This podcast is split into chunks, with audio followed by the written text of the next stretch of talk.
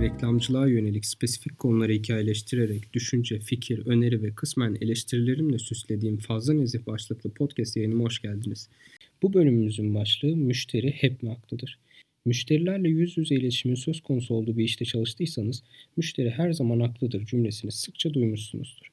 Aslında bu bir prensip ve bir nevi memnuniyetsizliği temel alan olası krizlere yönelik proaktif bir önlem ve bence yalnızca en çok kazananların müşterilerle iletişim kurması durumunda adaletli olabilecek bir söylem. Gerçek şu ki müşteri her şeyi bilmiyor. Evet çağımız düşünme konusunda Google indeksiyle benzer işlerliğe sahip bir neslin çağı fakat teorik ve pratik arasındaki fark bizi müşteriyi daima haklı hissettir söylemindeki sağlıklı çizgiye yaklaştırır. Müşteri daima haklıdır yerine müşteriyi daima haklı hissettir söylemi için temel bazı yöntemleri uygulamamız sağlıklı bir iş hayatı geçirmemiz için bir hayli önemli aslında.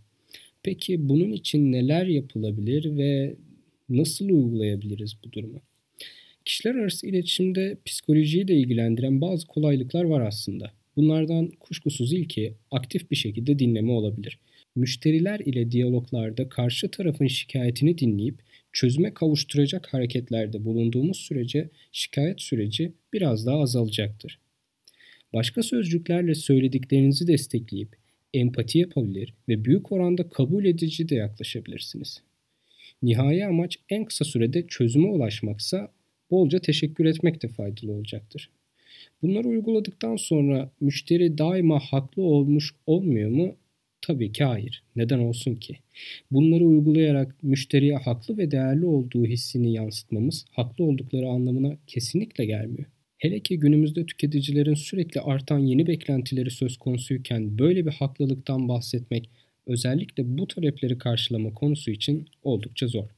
Şimdi buna bir ara vererek bu sözün aslında nereden geldiğine yönelik konuşmak istiyorum biraz da. İlk olarak 1909 yılında Selfridge mağazasının kurucusu olan Harry Gardner Selfridge tarafından kullanılan bu ifadenin temel amacı müşterileri daha iyi bir hizmetle karşılaşacaklarına ikna etmekmiş.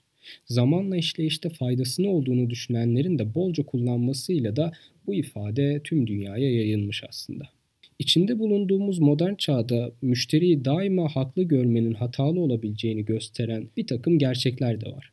Mesela beklentisi sürekli değişen, bencil olabilen ve sahte veya haksız şikayetlerde bulunan müşterilerin daima haklı görülmesi çalışanların hayal kırıklığına uğramalarına sebep olabilir mesela ya da müşterilere haksız bir avantaj sağlamış olabilir bu durum. Ayrıca mantıksız bir müşteri sınırlı kaynakların yanlış tüketimine de sebep olabilir. Özellikle günümüzde bu ve benzeri yanlışlara rağmen müşteri her zaman haklıdır demenin başta çalışanlara ardından işe büyük zarar verir. Şimdi buna rağmen en azından müşteriye haklı olduğu hissi yansıtılamaz mı? Tabii ki tercihe bağlı ve aslında büyük oranda bir zorunluluk da söz konusu. Yani müşteri kaybetmek istemeyenler için bir zorunluluktan bahsediyorum. Sonuç olarak bu konuya tek bir açıdan bakıp da kazanç odaklı olunursa da yanlış, zıttı da yanlış olur aslında. En iyisi çalışanlar gibi nihai öncelikler belirlemek olur. Sonrasında müşteriye ne derece haklı olduğunun hissettirilmesi ise tamamen tercihe bağlı aslında. Sona gelirken Carl Sewell ve Paul Brown'un Ebedi Müşteriler kitabını okumanızı öneriyorum. Bu bölümde bahsedeceklerim bu kadardı. Süzgecimiz gümüşse bilgimiz altın derim. Fazla nezihten ayrı, gerçeklikle bir bütün gidelim. Çünkü hayat öğrenince kıymetli. Bunu bilir, bunu söylerim. Bir sonraki bölümde görüşürüz.